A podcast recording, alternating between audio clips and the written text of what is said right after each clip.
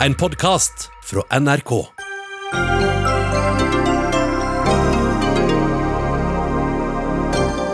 Alle som kommer inn i landet bør testes for korona, mener professor. Vil gi falsk trygghet, svarer Helsedirektoratet. Politi med skjold, køller og tåregass mot løpende demonstranter. Spenninga i Portland øker etter at president Donald Trump har bestemt seg for å sende flere føderale sikkerhetsstyrker.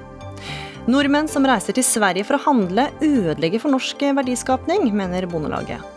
Vi selger laks til utlandet, da må det være helt greit å kjøpe biff i Sverige, svarer Trygve Hegnar. Og over 200 000 mennesker har vært koronafast på sjøen siden viruset brøt ut. Utholdelig, sier Norsk Sjømannsforbund.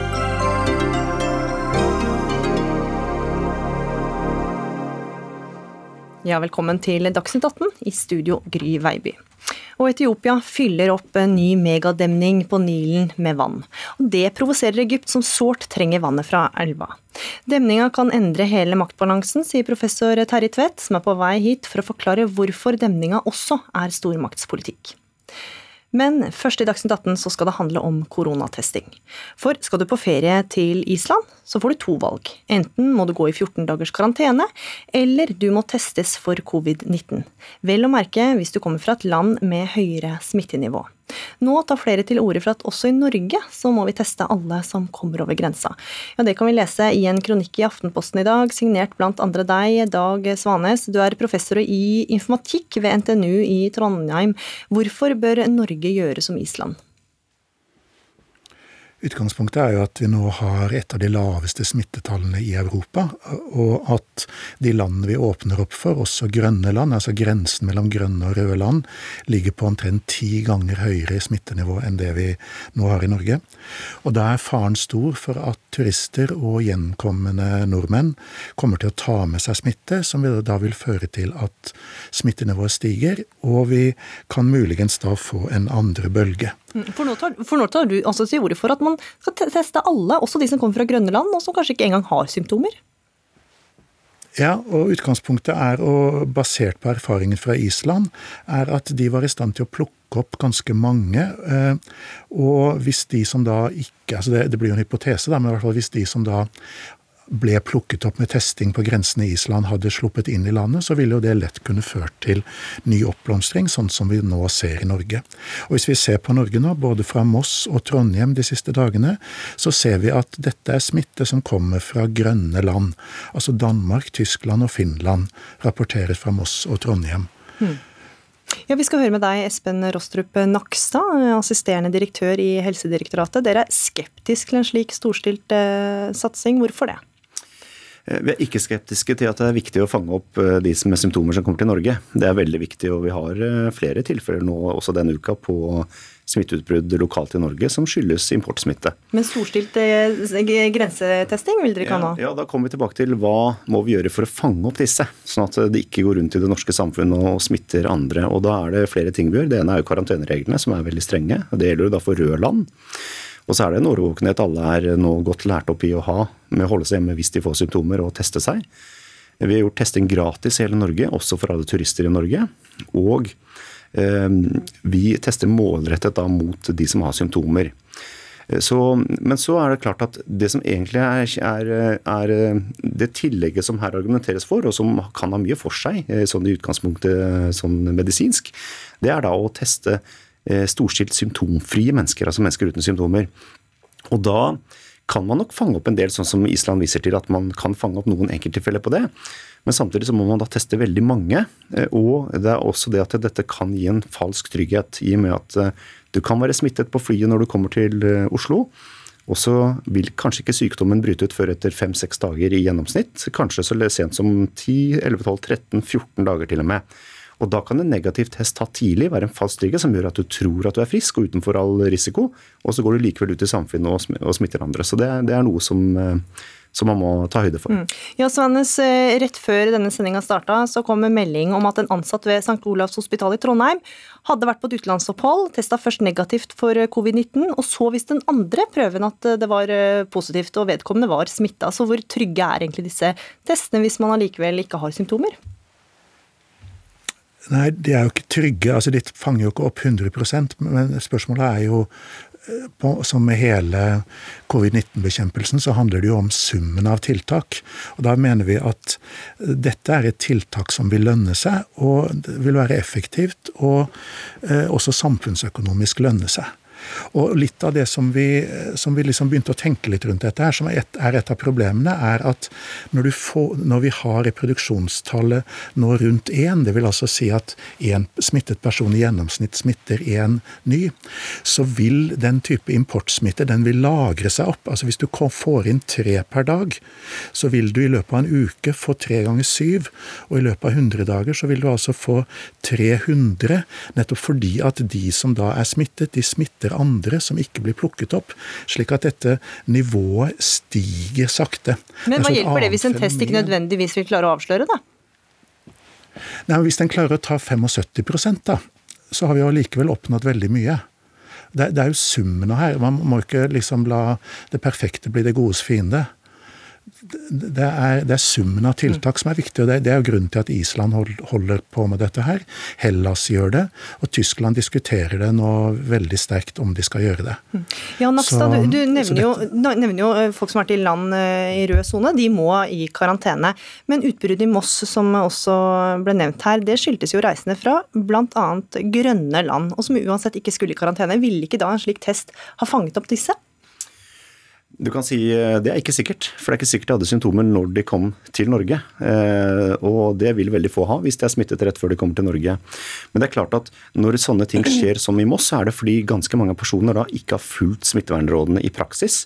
Det kan være mange grunner til det. altså Det trenger ikke å være mm, eh, noen å klandre for det heller. men men hvis alle med symptomer hadde holdt seg hjemme, og man hadde vært tidlig til å teste seg, så ville man ofte ikke fått så store utbrudd som vi ser. Men det er klart at Kronikkforfatteren er helt rett i at dette R-tallet vil kunne trekkes opp ved at det akkumulerer seg med importsmitte. Det så vi også i Norge i februar-mars at skjedde. Det ble estimert til et, å være rundt tre, dette reproduksjonsnummeret av Folkehelseinstituttet bl.a. Sånn at, at, det er et poeng. Men samtidig så er det da veldig viktig å være målrettet og finne de som er syke, og ikke alle de andre. Og da er det mange ting som, eh, som kan komme i framtiden. Vi har nå eh, testing av spyttprøver istedenfor neseprøver. Det vil være mye enklere tilgjengelig. Eh, da kan man også kanskje ha større volumer av tester med den type prøvetakingsmetodikk. Og så er det det å da kanskje målrette dette mot, mot reisende som kommer fra land med høyere smitte enn andre land. Sånn at ikke du da tester i prinsippet opp mot 50 000 mennesker per dag i Norge, som er det antallet som i en normal situasjon kommer over grensen. For det kan vi faktisk ikke teste hver dag hele året. 50 000 mennesker, det blir for mange. Mm. Men vi kan teste ganske mange hvis vi målretter det. Mm, ja, for her er jo også en utfordring, Svanes, når du sammenligner med Island, som jo er en øy, med Norge som har langstrakt eh, grense. Eh, det vil jo være utrolig ressurskrevende å få gjennomført dette her? Jo, men Island har også færre folk. Altså Ressursmessig så har jo vi flere folk og flere ressurser enn Island, så, så det, det, argumentet kjøper jeg ikke. Og, og, heller ikke det argumentet at man må ha symptomer for å få positiv på test. Altså Veldig mange av de som tester positivt, er jo nettopp symptomfrie. Og det er jo nettopp det som er fordelen med denne type testing, at du vil også plukke opp uh, førsymptomatiske og ikke, og folk som ikke har symptomer, men som allikevel vil kunne smitte. Og noe som bekymrer meg litt, er jo at så vidt jeg kan forstå, så har ikke eh, FHI gjort beregninger på effekten av import av smitte. Jeg lastet ned den siste versjonen av beregningsmodellen deres, og der har de bare seeding fram til 18. mars, altså bare import av smitte fram til 18. mars. Og etter 18. mars så har de ikke regnet på det. Så, så, så jeg mener at det mangler beslutningsgrunnlag for å mene det som Helsedirektoratet nå mener.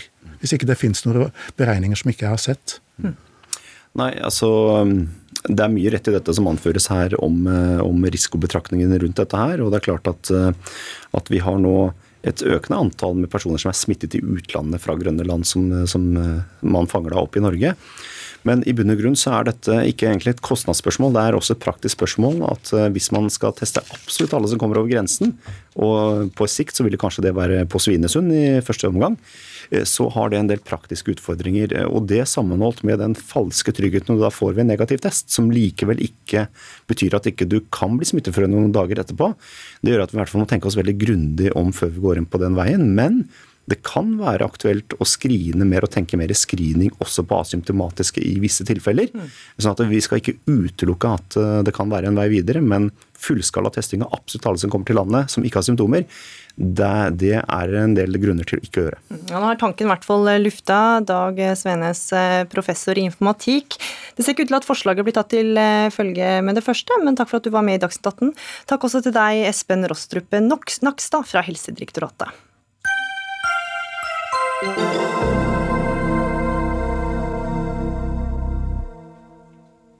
Over 200 000 sjøfolk verden over nektes å gå i havn. Og slik har det vært siden koronaepidemien brøt ut, pandemien brøt ut. For noen betyr det at de har vært om bord på et skip i over tolv måneder uten å få gå i land, uten å få se sine nære og kjære, og uten å få tilgang til sentrale helsetjenester. Stian Grøte, du er direktør for eh, politikk og myndighetskontakt i Norsk Sjømannsforbund. Dere organiserer over 10 000 sjøfolk i Norge, og du får løpende tilbakemeldinger fra dem som er om bord på skip over hele verden. Hvordan beskriver de situasjonen de er i nå? Nei, Det her er jo eh, svært eh, dramatisk. Dette er jo en yrkesgruppe som sørger for at verden fungerer noenlunde midt oppi den pandemien vi har, og som betaler en svært høy pris. Jeg, betalt, eh, hadde en samtale med hun som da har ansvaret for det internasjonale i Voice rett før jeg kom hit nå. og Hun forteller at det er tre konkrete saker der folk har tatt livet av seg, som jeg mener er relatert til det her. Det er en eh, herremann som eh, ikke kommer i land, eksempelvis på Mauritius, der han har en døende kone av kreft, og en ett år gammel unge som trenger pappaen sin. Så situasjonen er svært, svært dramatisk. og vi undres jo veldig. altså det er jo Noen uker siden så var det jo et møte med 13 eh, land. Det ble sagt at nå skulle dette her ordnes, og sjøfolka var definert som nøkkelpersonell. Men så langt så er det bare ord. For det er ingen sjøfolk som har kommet i land som følge av det møtet så langt. Og vi er jo inne, eksempelvis, er vi inne nå i femte måneden med nedstengning her i Norge. Så jeg mener regjeringen har hatt eh, god tid, og burde ha kommet lenger enn vi har ser så langt. Mm. Vi skal snart eh, slippe til eh, regjeringa, men først til dere, eh, Norges Rederiforbund. Harald Solberg, du er administrerende direktør der, også advart om situasjonen om bord. Du beskriver det hele som en sikkerhetsutfordring. Hvordan da? Det er en dramatisk situasjon. På verdensbasis så er det 250 000 sjøfolk som venter å komme seg hjem fra jobb. Veldig mange av dem har stått i arbeid gjennom hele koronakrisen. Eh, og de har i dag ingen utsikter til når de skal få kommet seg av eh, skipet. Eh, og det står like mange og venter på å komme seg på jobb, og det er en dramatisk situasjon også for dem. Og vi vet jo at folk som har vært veldig lenge på jobb, blir slitne. Og særlig den usikkerheten at man ikke har noen dato for når man kan komme seg hjem, den sliter på. Og det er en sikkerhetsrisiko hvis ja. dette foregår over tid. Mm, ja, hva, kan, hva, kan, konsekvensen være?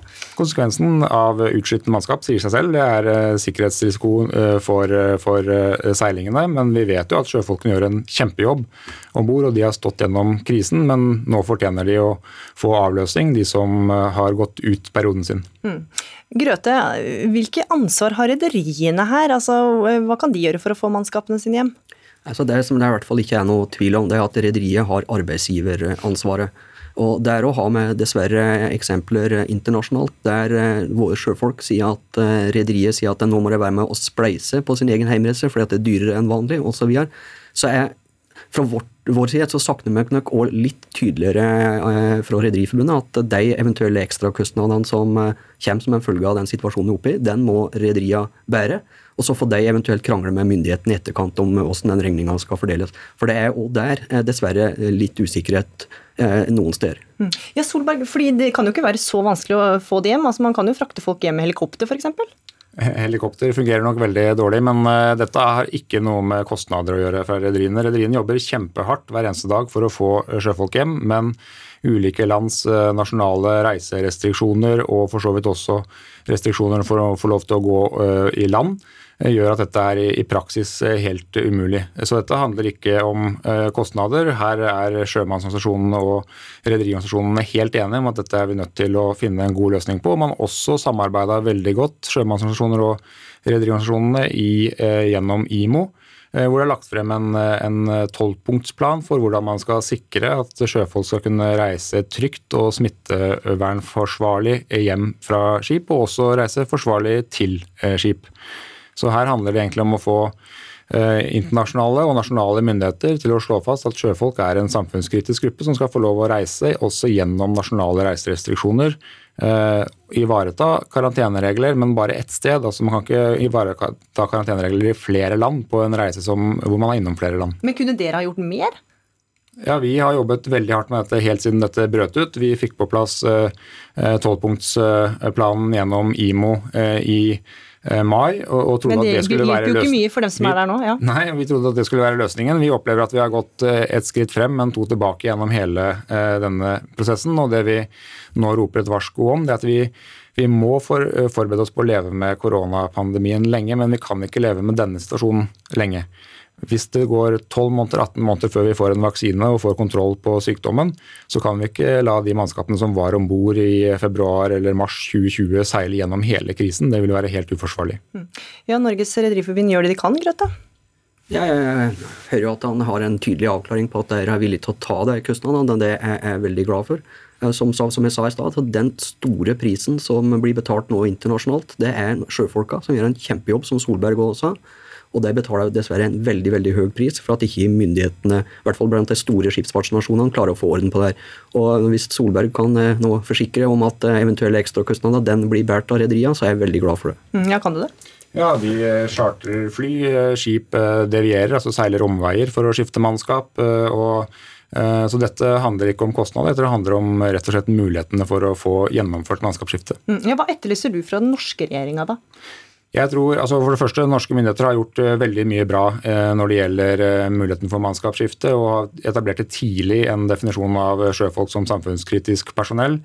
Eh, men jeg tror både Norge og flere andre maritime nasjoner kan lene seg enda lenger frem på det internasjonale plan og ta lederskap for å etablere internasjonal enighet om at denne situasjonen må vi finne en løsning på veldig raskt. Mm. Lucy Sunde Eidem, du er statssekretær i Nærings- og fiskeridepartementet. Dette er jo en kompleks situasjon, men hvorfor har ikke regjeringa lyktes i å få disse sjøfolka hjem? Det er et en utfordring som har hatt høy prioritet hos oss, og som kommer til å ha det også i tida fremover. Det er, som det blir sagt her, hele 500 000 sjøfolk nå globalt som står og venter på enten avmønstring eller påmønstring. Og så er det også sånn at Sjøfolk er en ekstremt viktig arbeidsgruppe. 80% av all global handel transporteres via skip. Så det at vi har et velfungerende kyst- og skipsfart er helt avgjørende. Både for varehandel mm. Og det er jo alle enige om. Alle er jo enige om at dette er en viktig yrkesgruppe. Det har jo blitt sagt opptil flere ganger her nå. Men er hvorfor, hvorfor klarer ikke regjeringa å få dem hjem? Nei, altså Vi i Norge vi har jo jobba i to spor. Det første vi gjorde, det var jo å sørge for at vi i Norge hatt gode rutiner for avmønstring og påmønstring her. Derfor, som det også ble sagt, så var vi veldig tidlig ut og et foregangsland med å definere vårt sjøfolk som samfunnskritisk personell.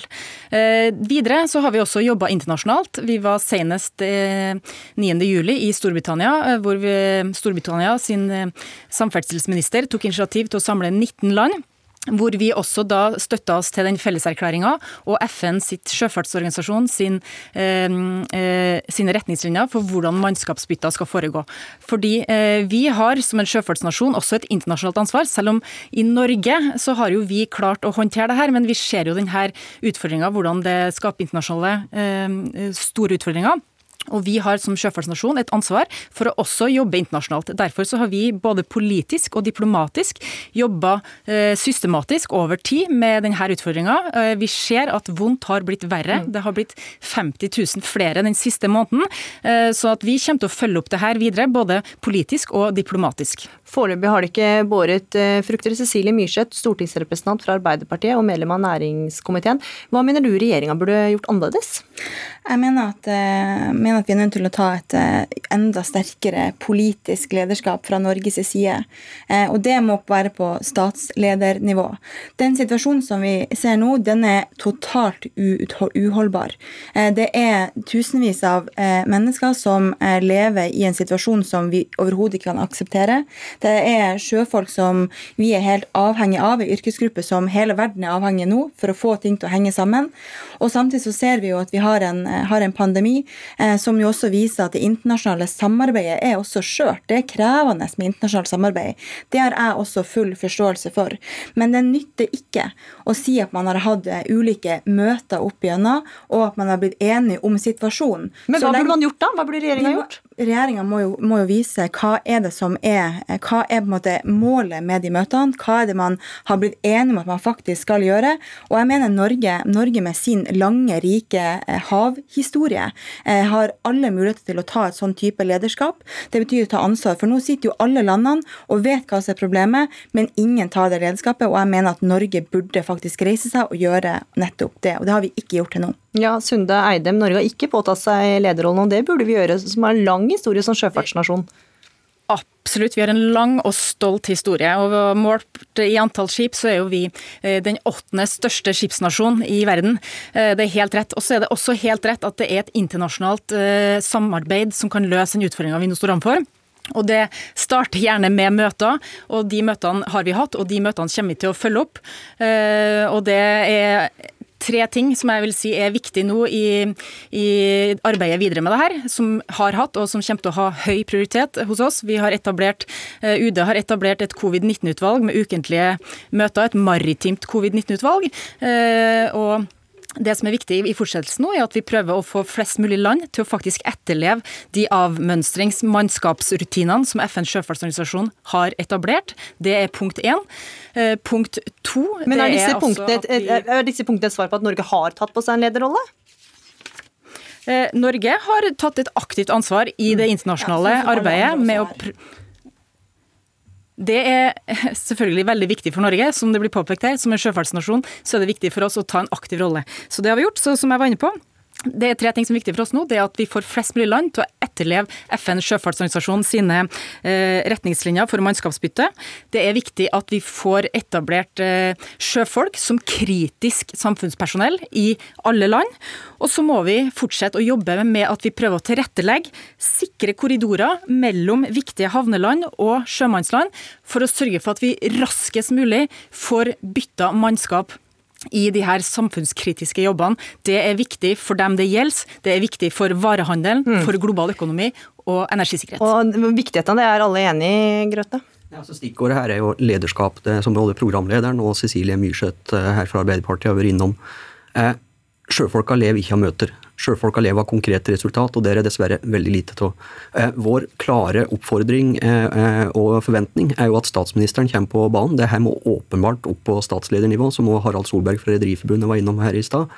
Så det her går jo ikke lenger. Så jeg forventer at i løpet av svært få dager at statsminister Erna Solberg tar tak i den saken her personlig og får den her opp på en helt annen omdreining enn det som er tilfellet så langt. Mm, ja, Sunde Eidem, er det en mulighet å få det opp på statsledernivå?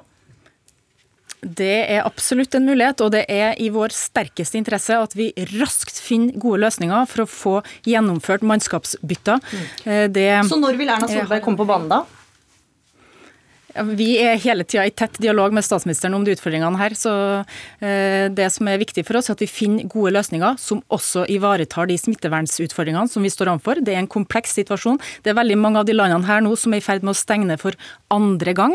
Eh, men det er helt klart et mål eh, som det er, bør være realistisk å nå, at vi får gjennomført livsviktige mannskapsbytter. Ja, Myrseth, Det er jo en utrolig kompleks situasjon her. Det er mange land involvert, det er mange ulike regelverk involvert. Så det er jo ikke så enkelt som eh, det kan virke, kanskje? Helt åpenbart. Dette er en veldig krevende situasjon. og Vi skal heller ikke sitte i opposisjon og si at det finnes en quick fix på det her, for det gjør det overhodet ikke.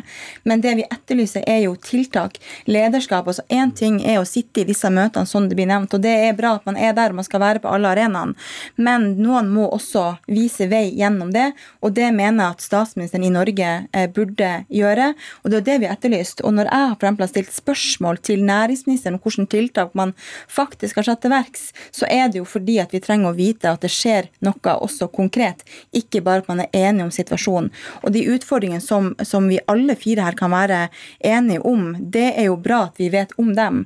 Men det som trengs nå, det er lederskap. Og jeg tenker at eh, statsministeren er nødt til å komme på banen veldig fort. Alternativt så må jo Stortinget be om en redegjørelse fra statsministeren statsministeren til syvende og sist. Mm, ja, det Blir det aktuelt? Selvfølgelig vil det være aktuelt. Mm. Jeg tror vi skal ha respekt for at dette er en kompleks eh, problemstilling. og Hadde det vært en quick fix, så hadde vi funnet den eh, allerede. Da hadde ikke dette vært noe eh, problem. Eh, når vi diskuterer dette med transportmyndigheter, så opplever vi en bred eh, enighet. Eh, men utfordringen er at reiserestriksjoner og smitteverntiltak likevel hindrer reiser og mannskapsskifter. Og Det er der vi trenger å finne en bred internasjonal enighet. og Der er jeg enig at vi trenger et lederskap. og Norge har en unik posisjon til å ta nettopp det lederskapet for å sikre at man finner en bred internasjonal enighet. Mm. Sunde Eidem, hva vil du si til sjøfolket da? Altså, når kan de forvente å komme hjem igjen?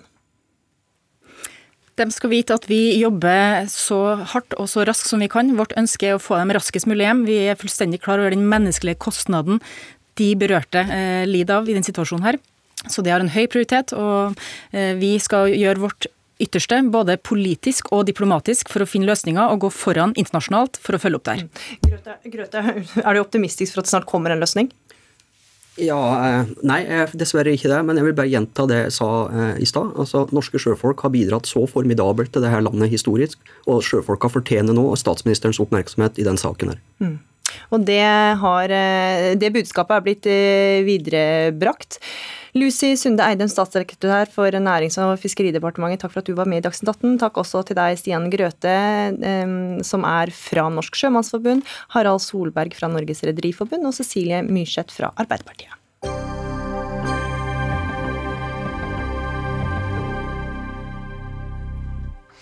Er du en av dem som dro på handletur så raskt eh, svenskegrensa åpna?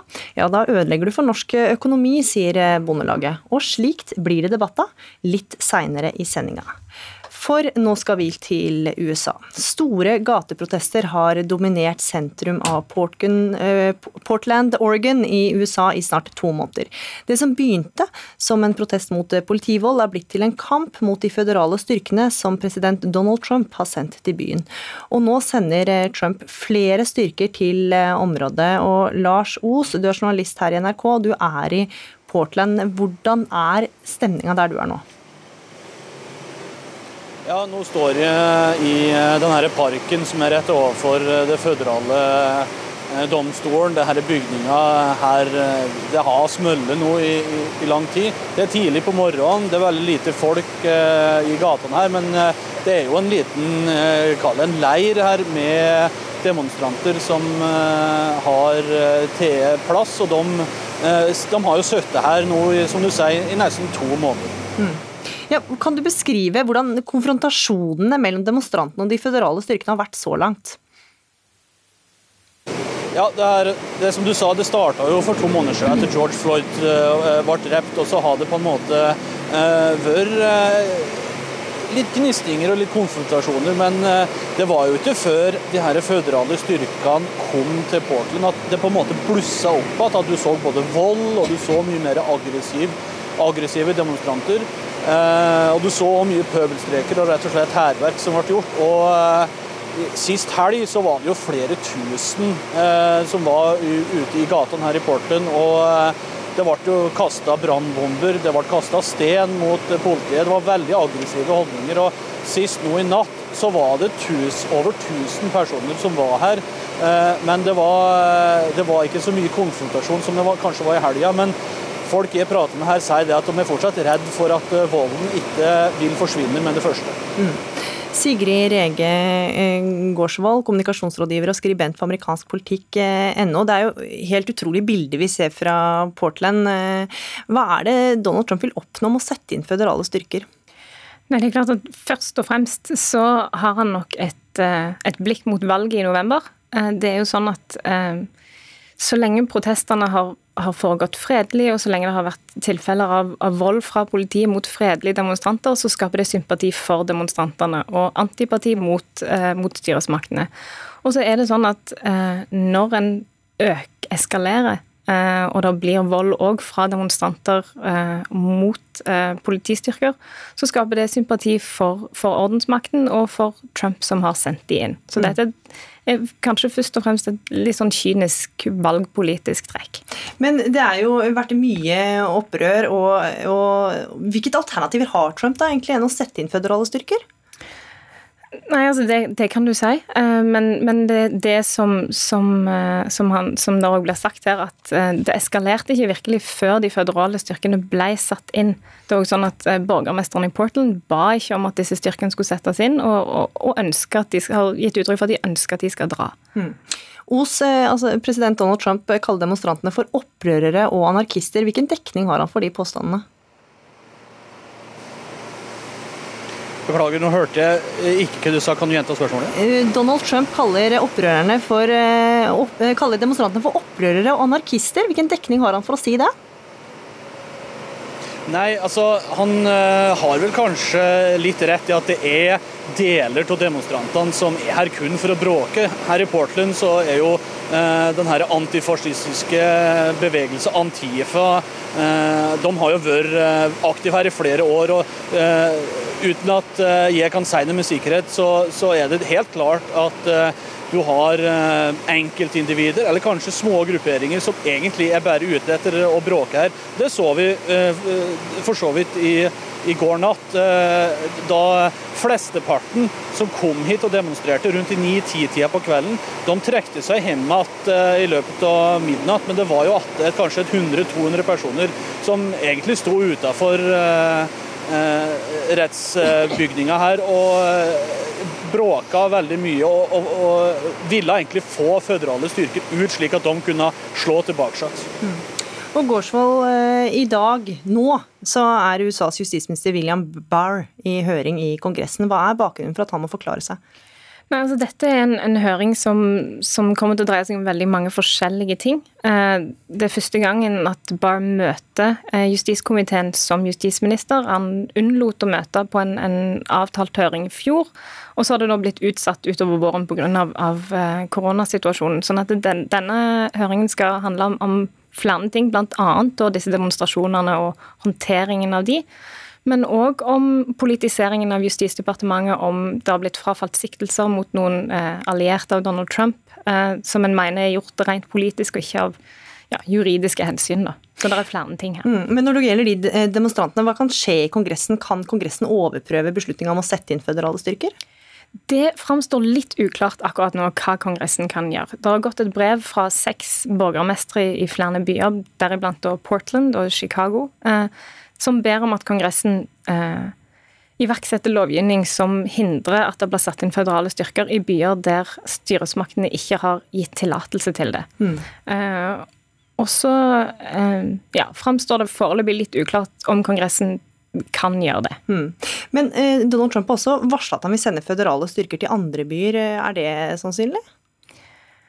Det er vanskelig å si hva som er sannsynlig eller ikke når vi snakker om Donald Trump. Eh, men, men han har vist en, en, vilje til å gjøre det, og det, det, kan absolutt tenkes at han gjør det. Fordi at eh, provokasjon og altså Både politisk provokasjon og en provokasjon til ytterligere vold mot politistyrker, det tror jeg, tror jeg at han tror teller positivt for han. Mm.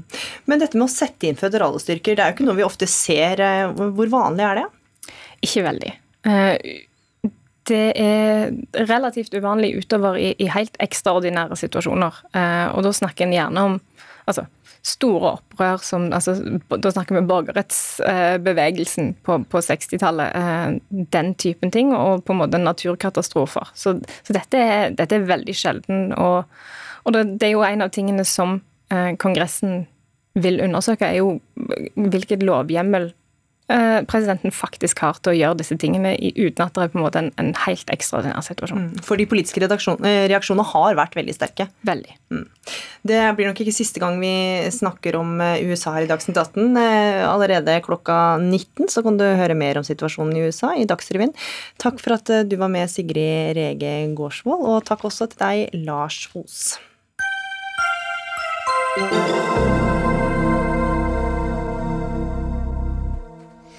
De siste dagene har vi sett bilder av fornøyde nordmenn med handlevogner fulle av brus, kjøtt og godteri.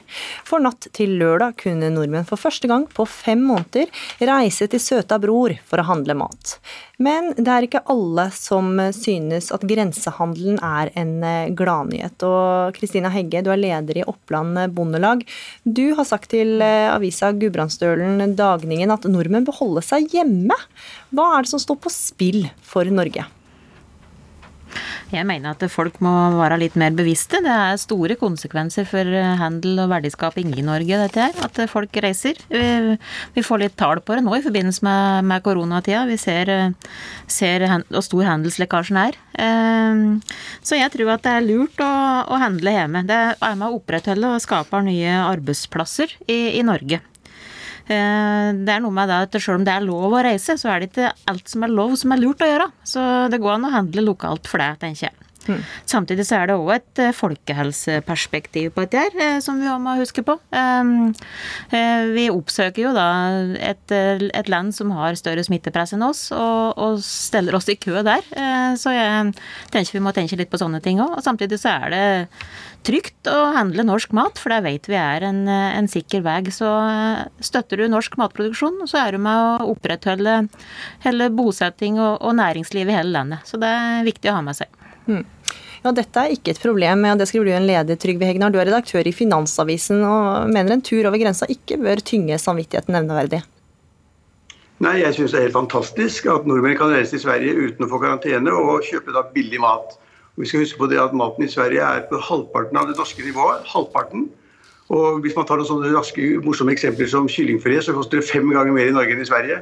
Og kjøtt, altså kjøper du bacon, så er det tre ganger så mye, koster det mer i Norge. Kjøper du sånne bokser med mineralvann, koster det tre ganger så mye som i Sverige. Vi har massevis av eksempler på at det er veldig dyrt for norske husholdninger å, å, å, kjøpe mat i Norge. Og får de nå en sjanse til å reise til Sverige igjen og få billig mat, det burde de få, eh, så bør, bør man ikke ha dårlig samvittighet i det hele tatt. Men hva er løsninga for å unngå at så mange nordmenn blir frista til å dra over grensa og få lavere priser på maten sin? Det måtte være da det at uh, tollen og avgiften ble satt ned i Norge, slik at maten fikk samme prisen hele tiden som i Sverige. Det ville være det beste, for det er masse mennesker som ikke har mulighet til, ikke kan kjøre bil eller på annen måte ikke vil komme til Sverige, som da må fortsette å betale da dobbelt så mye for maten i Norge som i Sverige, og det er jo helt urimelig. Man kunne jo tenke seg at man tok bort all importtoll, alle avgifter, og fikk det samme prisnivå i Sverige og i Norge. Mm. Hegge, du snakker jo om den norske bonden, om at vi må eh, støtte om eh, norske, norsk verdiskapning. Men kan ikke norske bønder svare på handelslekkasjen og selge mer mat til utlandet, da?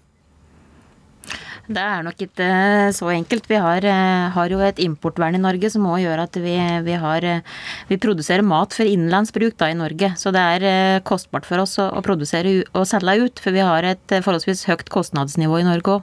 Så det vi, det vi, jobber med i Norge, er jo å produsere mat for den norske befolkning. Og da, da er det viktig at folk støtter oppunder om det. det men det er jo råvaren som vi da leverer fra jordbruket, den går jo òg inn i næringsmiddelproduksjon her i Norge. så det, det støtter opp under veldig mange norske arbeidsplasser. Ikke bare direkte i jordbruket, men det er mange som, som har nytte av det vi eh, jobber med utover på bygda. Da. Vi er jo òg en grunnlag for elektrikere og rørleggere og mye skole og handel og mye varer og tjenester da, som, har, eh, som, som trenger en befolkning rundt omkring i hele Norge. Ja, men alt, det er det som gjør Norge så jo, unikt. Ja, alt dette er jo vel og bra, men til slutt er det jo lommeboka og pengene der som eh, rår, hvor man handler, gjør det ikke det?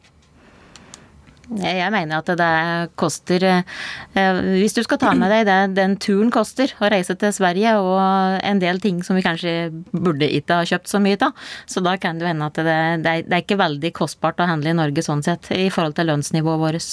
Mm. Ja, Hegnar, hva sier du til det? Ja, altså jeg syns begrepet handelslekkasje er helt meningsløst. Altså Vi nordmenn vi selger fisk i utlandet, laks og torsk, altså for 20 millioner middager hver dag. Og det, det, oss, det, er veldig bra for Norge. Og det er ingen som snakker om handelslekkasje ved at de kjøper fisken i Norge. Og vi har turister fra hele Europa, Danmark, Sverige, Tyskland, Finland, eh, USA eh, hver eneste dag. Men ingen som snakker om at det er galt at svenskene tar ferie i Norge, at, at engelskmenn tar ferie i Norge og snakker om lekkasjer. Det er noe ordentlig tull. Eh, og, og, Man burde tenke mer på de som da får, bruker veldig mye av inntekten sin på mat de burde man tenke mer på. Og ikke bare tenke på bøndene som produserer disse varene. Vi må tenke på at det, det er et formål med denne produksjonen. Det er å skaffe mat til flest mulig til lavest mulig pris. Mm. Harald, jeg skal ta inn flere personer. Harald eh, Andersen, du er direktør i Virke daglighandel. og Vi snakka tidligere om lavere avgifter, som er en gammel kjepphest for handelsnæringa. Og du mener koronakrisen viser en gang for alle at avgiftspolitikken virker mot sin hensikt. Hvordan da? Jo, altså Aller først har jeg lyst til å si at vi er helt enig med f.eks. Kristelig Folkeparti, representanten sitter på andre siden av bordet for meg her, om at eh, ja, vi skal bruke avgiftssystemet til å påvirke atferden til Ola og Kari i riktig retning, altså ut fra samfunnsmessige ønskelige hensyn. Men vi kan ikke utforme avgiftspolitikken vår i et vakuum. Og nå er avgiftsforskjellene til våre naboland blitt så stor at motivasjonen for Ola og Kari til å sette seg i bilen og reise til Sverige eller andre naboland for å handle, er tilsvarende stor. Og når man reiser, ja, så hamstrer man, og så kjøper man mer enn det man ellers ville ha gjort. Eh, SSB, Statistisk sentralbyrå, gjennomførte en såkalt pilotundersøkelse man gikk i dybden på hva det er vi handler i Sverige i september i fjor, og fant at bare i september, på den ene måneden, så gjennomførte vi 1,2 millioner handleturer, og vi handlet for 2 milliarder kroner. Og over halvparten av det vi la igjen i Sverige, det er såkalt usunne varer, altså de, vi høy, de varer vi har høye avgifter på fordi vi ønsker at Ola og Karit skal bruke mindre av det. Men vår hypotese er snarere tvert imot, når avgiftsnivået nivået er så høyt, så ender vi opp med å kjøre over grensen, hamstre, og så kjøper vi mer enn det vi ellers ville ha gjort. Og Det er dårlig næringspolitikk. Vi kaster eh, arbeidsplasser over landegrensen.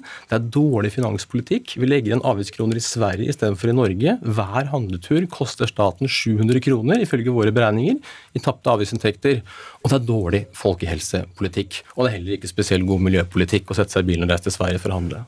Toril Bransdal, allerede introdusert, du er stortingsrepresentant fra KrF. Og KrF i regjeringssamarbeid har gitt både dyrere godteri, tobakk og alkohol. Hvordan kan dere vite at eh, politikken er, fungerer som tiltenkt? Da kan du se på statistikken som du har lagt på avgifter kontra, eh, kontra forbruk i hvert fall på alkohol. da. Tobakk er det jo blitt mye mer ut å snakke om. Du snakker ikke så mye om tobakk i det hele tatt, fordi at eh, konsum av tobakk det har jo synket så mye. Men alkohol og alkoholforbruket, så kan du se på Ola Nordmann og ser at det er et mye mindre alkoholforbruk i Norge eller i våre naboland. Og tesen med at eh, økt forbruk gir økt misbruk, den tar vi virkelig på alvor. Så dette er for Eh, dette er for oss sosialpolitikk. Det er òg næringspolitikk, og de har stor respekt for at det snakkes næringspolitikk, for det er noen som må betale noe her. Men, men hvis du da skal harmonisere disse avgiftene, så mener jeg at det er helt andre grupper folk som må lide for det. Uh, og, og, da velger vi å ta det sosiale aspektet her mm. i denne saken. Mm. Ja, vi er helt enige. Altså, det handler om å finne balansen mellom å ivareta ulike politiske hensyn, enten det er folkehelsehensyn eller næringspolitiske hensyn eller finanspolitiske hensyn. Og det balansepunktet mener vi at vi ikke har truffet. Fordi at avgiftsnivået har blitt for høyt. Vårt, vår intensjon, vårt ønske, er ikke å fjerne avgiftene, men det er å jobbe for en harmonisering av avgiftsnivå i retning det man har i, i Sverige. Det mener vi vil ivareta folkehelsehensyn bedre, for forbruket av de usunne varene vil gå ned, og vi vil flytte omsetning av arbeidsplasser til Norge, og vi vil sitte med mer av avgiftsinntektene igjen i Norge. Det er vinn-vinn-vinn. Bransdal, ifølge en av landets største dagligvareaktører, så økte salget av sjokolade med 18 salget av tobakk økte med 53 og øl øl økte med 33 ut under nedstengninga. Eh, det virker jo ikke som at høye avgifter skremmer eh, sukker- og ølglade nordmenn? Nei, det gjør ikke det, men da forskjellen på det, det er jo faktisk at de kjøper mye mer av disse produktene i Norge fordi at grensene var stengt. Og, og, det kan du si, det henger sammen med veldig mye annet, fordi at det er jo en utrolig spesiell situasjon. Du har en veldig spesiell eh, situasjon òg rent sosialt sett, fordi at du får mye ensomhet, du får mye alenetid, du får mye dødtid, og da er det dessverre altfor lett å ty til både tobakk og alkohol. Mm. Trygve Hegnar, eh, du mener også at det ville vært eh, sosialt utjevnende å sette ned avgiftene. Hvordan da? Ja, altså Det er et veldig interessant poeng. fordi at uh, Vi bruker i gjennomsnitt, altså norske husholdninger bruker i gjennomsnitt 10% av inntekten på mat. og Den går stadig nedover, for vi er, blir rikere og rikere, tjener mer. og kan, Det er jo grenser for hva vi klarer å spise, slik at andelen da er ca. 10 nå. Men det man ikke snakker om, så veldig usosialt, det er at de gruppene som har lave inntekter, enten det er studenter, trygdede, pensjonister, øh, familier med mange barn, som står utenfor de høye inntektene, de må jo bruke kanskje 50-60% av inntekten sin på mat i Norge, fordi at mat, matvareprisene er så høye. Det mener jeg er klart usosialt og mye viktigere enn helt marginale skatteendringer, eller å snakke da om snus og, og, og og andre sosiale varer eller for mye sukker eller hva det måtte være. Det er altfor mange som betaler altfor mye av inntekten sin på mat i Norge. og Det kan man gjøre lett, lett endre ved å da gledes over at nordmenn reiser til Sverige og kjøper billigere mat der. Mm, eller fjerne merverdi, merverdiavgiften på mat, Bransdal? Ja, en må se på flere ting her, fordi at det er viktig. Altså, Jeg syns jo at Trygve Hegnar bør øh, belegge med, med statistikk at det, det går opptil 50% i mat. Det har jeg faktisk litt vondt for å, å tro. Men det finnes mange måter at du kan utjevne dette. Det gjelder jo hvilke matvarer som du da kan du si, legger ut til salg i, i butikken.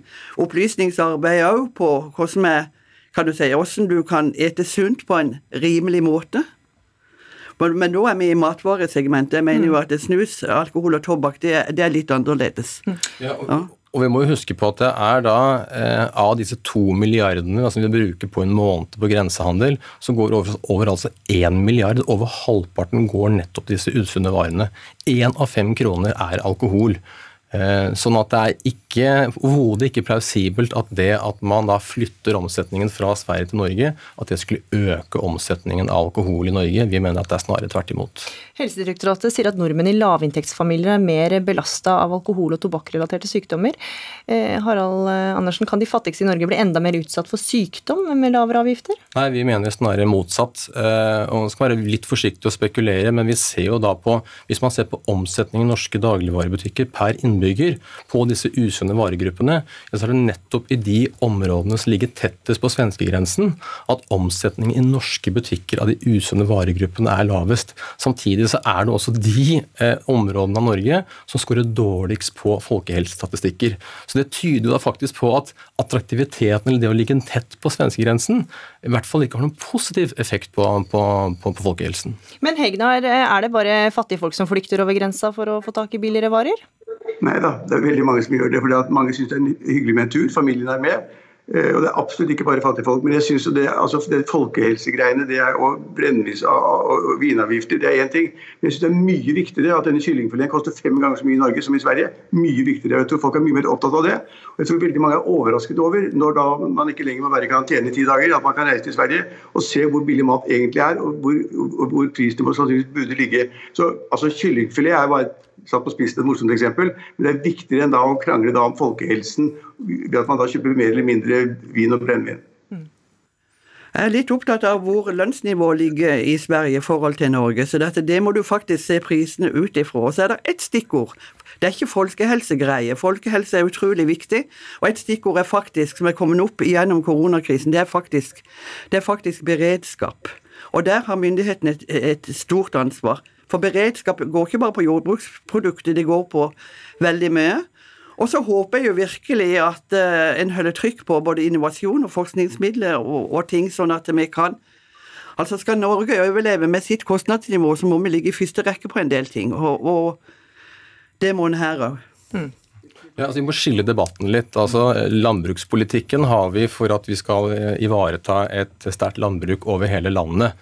Eh, avgiftspolitikken er bl.a. for å ivareta folkehelsehensyn. Så det er to helt ulike hensyn. Eh, og når vi ser på hva det er nordmenn da primært putter i handlekurven sin når man er i Sverige og grensehandler, så er det nettopp disse varegruppene med spesielt høye særavgifter. Og vi mener jo ikke at disse særavgiftene skal fjernes, men de må ned på et nivå som nærmer seg det svenske. Det kommer til å føre til at vi handler mindre i Sverige, og at vi konsumerer mindre. Vinn-vinn. Hegge, du sitter i et annet studio, eh, leder i Oppland Bondelag, men jeg ser du prøver å komme til orde? Ja, jeg har veldig lyst til det. Jeg vil bare presisere at det er ute for bonden, bonden vi lager mat. Altså lager, Norsk landbruk er ikke til for bonden, den er til for å ha en matvaresikkerhet i Norge. For at vi skal produsere mat til den norske befolkning og holde landet vårt slik som vi ser det. Så landbrukspolitikk og distriktspolitikk er jo to sider av samme sak. Og så må jeg jo si at jeg heier veldig på innflagging til norske arbeidsplasser, og det tror jeg vi må være litt bevisste på da, i denne sammenhengen her. Det bruk norsk til alle, alle slag. Mm. Hegnar, det er jo snakka litt om at eh, vi har høyere lønninger her i Norge, og derfor er det billigere å handle der. Men hvordan ville norske lønninger vært om vi fikk billigere mat? Ja, norske, altså, De norske lønningene har ingenting med denne prisfastsettelsen for landbruksprodukter å gjøre i det hele tatt. Eh, altså, norsk landbruk, Det er en stor debatt, men norsk landbruk de subsidieres med 15 milliarder i året. Eh, og Vi gir masse til bøndene, og det er bra. Vi skal, vi skal ha bosetting over hele landet osv. Men dette er en, det er en altså, vi, vi, har omtrent samme lønnsnivå i Norge som i Sverige, så har ingenting med debatten om prisene å gjøre. i det hele tatt. Og jeg synes det er ganske morsomt. Altså, Landbruksministeren i Norge er jo fra Kristelig Folkeparti. Og hun klippet jo snoren da det nå var mulig å reise til Sverige for å kjøpe billig mat igjen. Det var gøy. Ja. Klippet snor. Ja, det var jeg kjempeskuffa over. Ja. Delte meninger om det? Det handler jo om noe mye mye mer. Det, det handler faktisk om tilgang igjen over landegrensene. Og det gjelder ikke bare grensa til Sverige. Altså Du åpner litt, etter, litt, for tilgang til Sverige, og du trenger nødvendigvis ikke handle både tobakk eller alkohol når du er der. Du trenger ikke handle matvarer heller, for den saks skyld. Mm. Altså, det er en veldig viktig i debatten her. Liksom, landbrukspolitikken eh, debatten har ingenting med, med avgiftspolitikken og folkehelsedebatten å gjøre. Og ja, maten er noe dyrere i Norge enn i Sverige, og det er gode grunner til det. Landbrukspolitikken er bare én del av det. Annen, andre siden av det er at eh, kostnadsnivået i Norge er høyere. Lønnsnivået er høyere, transportkostnadene er høyere, og vi har en mye høyere butikktetthet fordi vi bor mer spredt enn man gjør i, i Sverige. Men det aller, aller mest virkningsfulle og raskeste man kan gjøre for å få ned grensehandelen, det er å redusere avgiftene på disse spesielt grensehandelsutsatte varene. Mm. Og selv om eh, grensa åpna nylig, så har ikke grensehandelen tatt eh, helt av. Det ble meldt om eh, mangel på både bacon og biff, for svenskene rakk ikke å fylle opp kjøledisken før nordmennene kom. Så får vi se da om handelen tar seg opp etter hvert, eller om flere sverger til norsk mat etter denne runden. Takk for at dere var med, Toril Bransdal fra KrF, Harald Andersen, Virke Handel, Kristina Hegge, Oppland Bondelag og Trygve Hegna, redaktør i Finansavisen.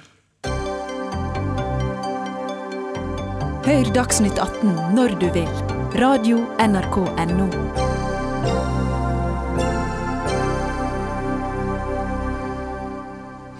For nå skal det handle om kampen om vann i verdens lengste elv.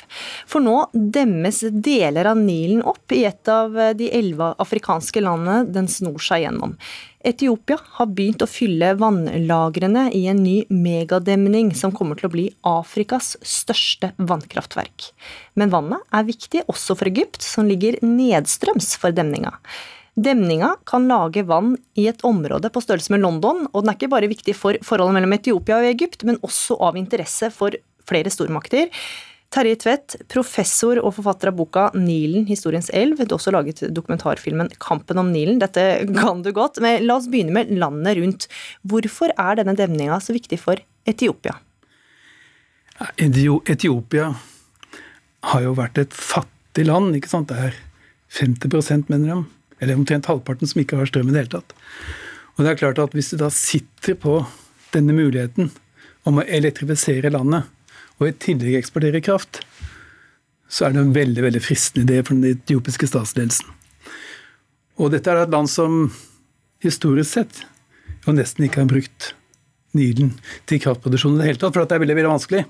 Elva går dypt dypt ned i sånne gjeld, vanskelig å kontrollere den. Så det er først de siste årene har vært mulig, og det er ikke først de siste årene Etiopia har hatt økonomisk muskler til å gjøre det. Mm. For dette kan gi lys og varme for innbyggerne? Gi lys og varme, industriell virksomhet mm. i det hele tatt.